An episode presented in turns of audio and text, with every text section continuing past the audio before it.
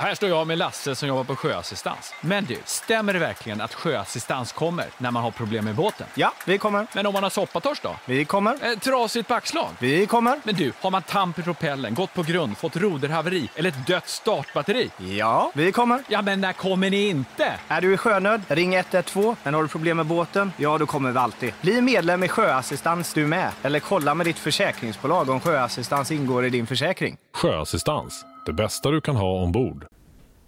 Med Pernilla där, hon håller på en del lite, hon har väl en liten verkstad också.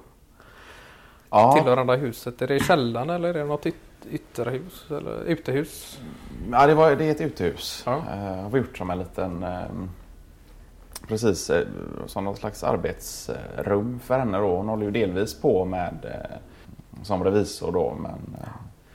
Och även håller på med lite keramik. Eh, ja precis. ja. Hon, eh, så vi har gjort som ett... eh, Ja men att där kan hon hålla på med keramik då. Jag tror hon har gått ner till 75 procent och så jobbar ytterligare resterande 25 procent med keramik då. Så det, det är kul. Hon har alltid varit lite konstnärlig av sig så. Och gillat att skapa sånt. Ja, hon har varit inne på både...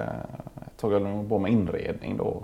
Och det kan du göra lite varstans i, hemmet så. Men just keramik det, det vill man ju hålla till en separat del då. Så det har vi nu och hon gör eh, krukor och olika typer av eh, inredningsdetaljer då i, i, i keramik. Eh, så köpte jag en sån här eh, ugn till henne då så att hon kan bränna keramiken. Det är någon sån lite mindre hemmaugn som man kan ha då. Ja, ja, just det.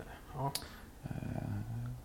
Kan de glasera de här keramikgrejerna och måla på dem. Och, och, så det ska jag. Där är även eh, Felicia med lite och, och, och eh, skapar ibland så. På, alltså det är kul att de också får utlopp för den. Eh, ja, lite mer så. Kreativiteten då. Så. Ja, precis. Ja, Pernilla har alltid varit eh, kreativ av sig. Det är i princip hon som har, eh, hon har inrett två rum i alla fall i huset då. Så, Okej. Ja, jag trodde det var hon som hade stått för hela interiören. Att du inte hade ett eh, ord att säga till om. Det. Nej, precis. Nej, det kan man ju tänka. Men ja, nej, vissa av rummen vill jag ha på mitt sätt. Så. Alltså man delar upp det lite.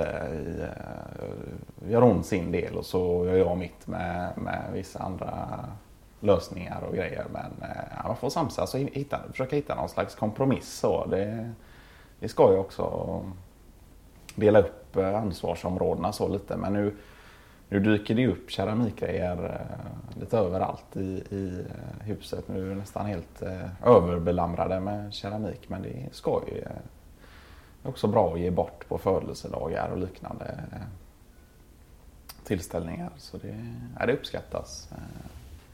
Här på ytterdörren så hade vi en Innan hade vi en sån här mässingsskylt då. Så jag har ingraverat Välkommen till eh, familjen eh, Rydmark då. Men nu har hon gjort någon sån eh, egen skylt i keramik då. Här bor eh, Felicia, Thomas, eh, Pernilla och Pontus då. Alltså det är kul, det är det första man ser så när man kommer eh, hem till oss. Och, ja. Jag vet att Malina fick en eh, present där hon fyllde år. Någon eh, sorts keramiksvan eh, då som man kunde sätta något ljus i eller någonting eh, som lös upp någon lykta. ja, det har vi också hemma. Just de eh, ljusstakarna där. eh, Ja, de är himla fina. Vad är det för värmeljus och lyser upp så är det som en kupa. eh, Ja precis, det är, det är gjort för de här lite större värmeljusen då. eh, Mo- Modell större än de här eh, små vanliga värmeljusen. Ja, så är det gjort lite som en, en kupa och så lyser eh, ljuset lite då igenom ut i själva svanhalsen då liksom. Så att den eh, lyses upp då.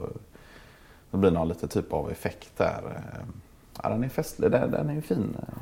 Ja, och sen gjorde hon eh, även eh, några av eh, plattorna till eh, badrummet. Eh, golvplattorna då. Ja okej.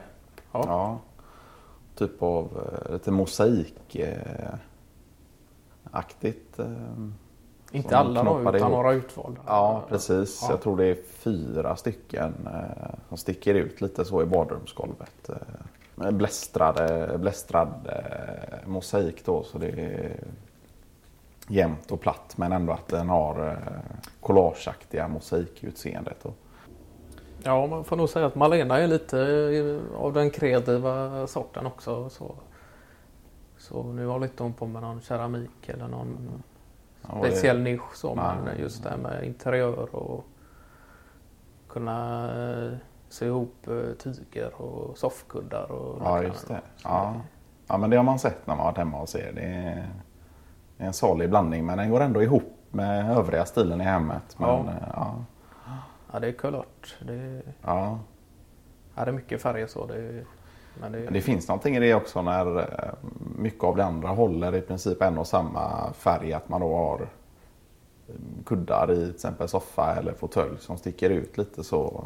ja, bryter av lite så. Ja, Ja, det är väl mycket sånt. Och, ja, då, vi gjorde ju ett projekt tillsammans då. Jag byggde en eh, Silvansoffa då i MBF kan man säga. ja, Var det. I vardagsrummet där då. Ja. Eh, som vi sen kläd, klädde då med madrass och... ja, ja men det är den och- nuvarande ni har nu. Ja, eh, precis. Ja, ja. Och så var det Marlena då som valde tyg och sydde ihop den då. Och så köpte några kuddar och sydde Ja, till den. Så det. Den är ju kvar den. Är ju stor så den tar ju upp mycket plats. det Ja. Men eh, ja, den har fungerat riktigt bra. Ja, ja den är fin. Och då du, du svarvade de benen också minns jag till... Ja, precis. Ja. Jag fick ju tillgång till, jag vet inte om du Kenneth Eklund har ju en träverkstad bort mot, eh, vad heter det, Lydeholmsmotet där. eh, Ja, just det. Så fick jag tillgång till Ja, den då. och, okej. eh, Annars gjorde jag allt på plats då. Ja, Men just benen där svarvade jag där i den Ja. verkstaden. Så de blev lite spacade, de blev lite exakt likadana och sådär. Ja, så just det. Ja, testade man ser att det är handgjort så. eh, Ja. ja.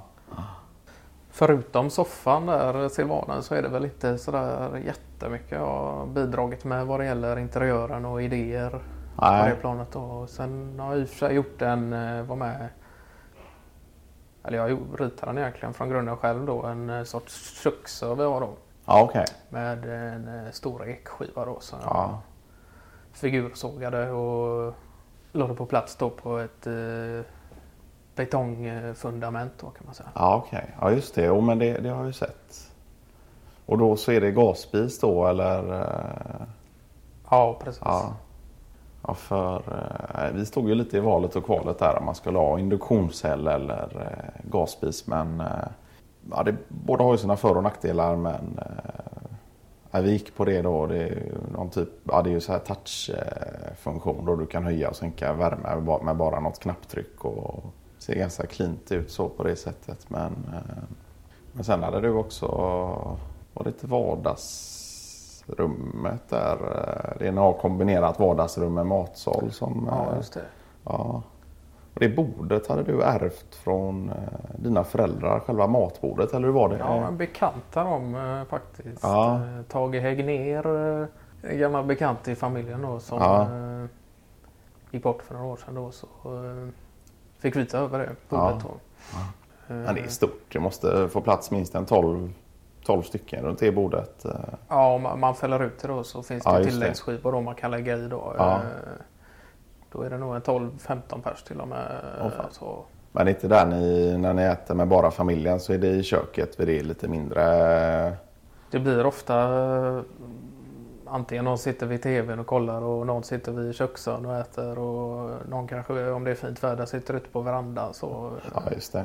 Sen försöker vi väl ändå hålla någon sorts mer sammanhållning om det kanske är fredag eller söndag. Eller, Ja, just det. Så man har det någon sorts Ja, lite, det. ja precis. Men, eh, lite styrsel så det inte blir helt... Eh, bacon bacon med... Vart, ja, just det.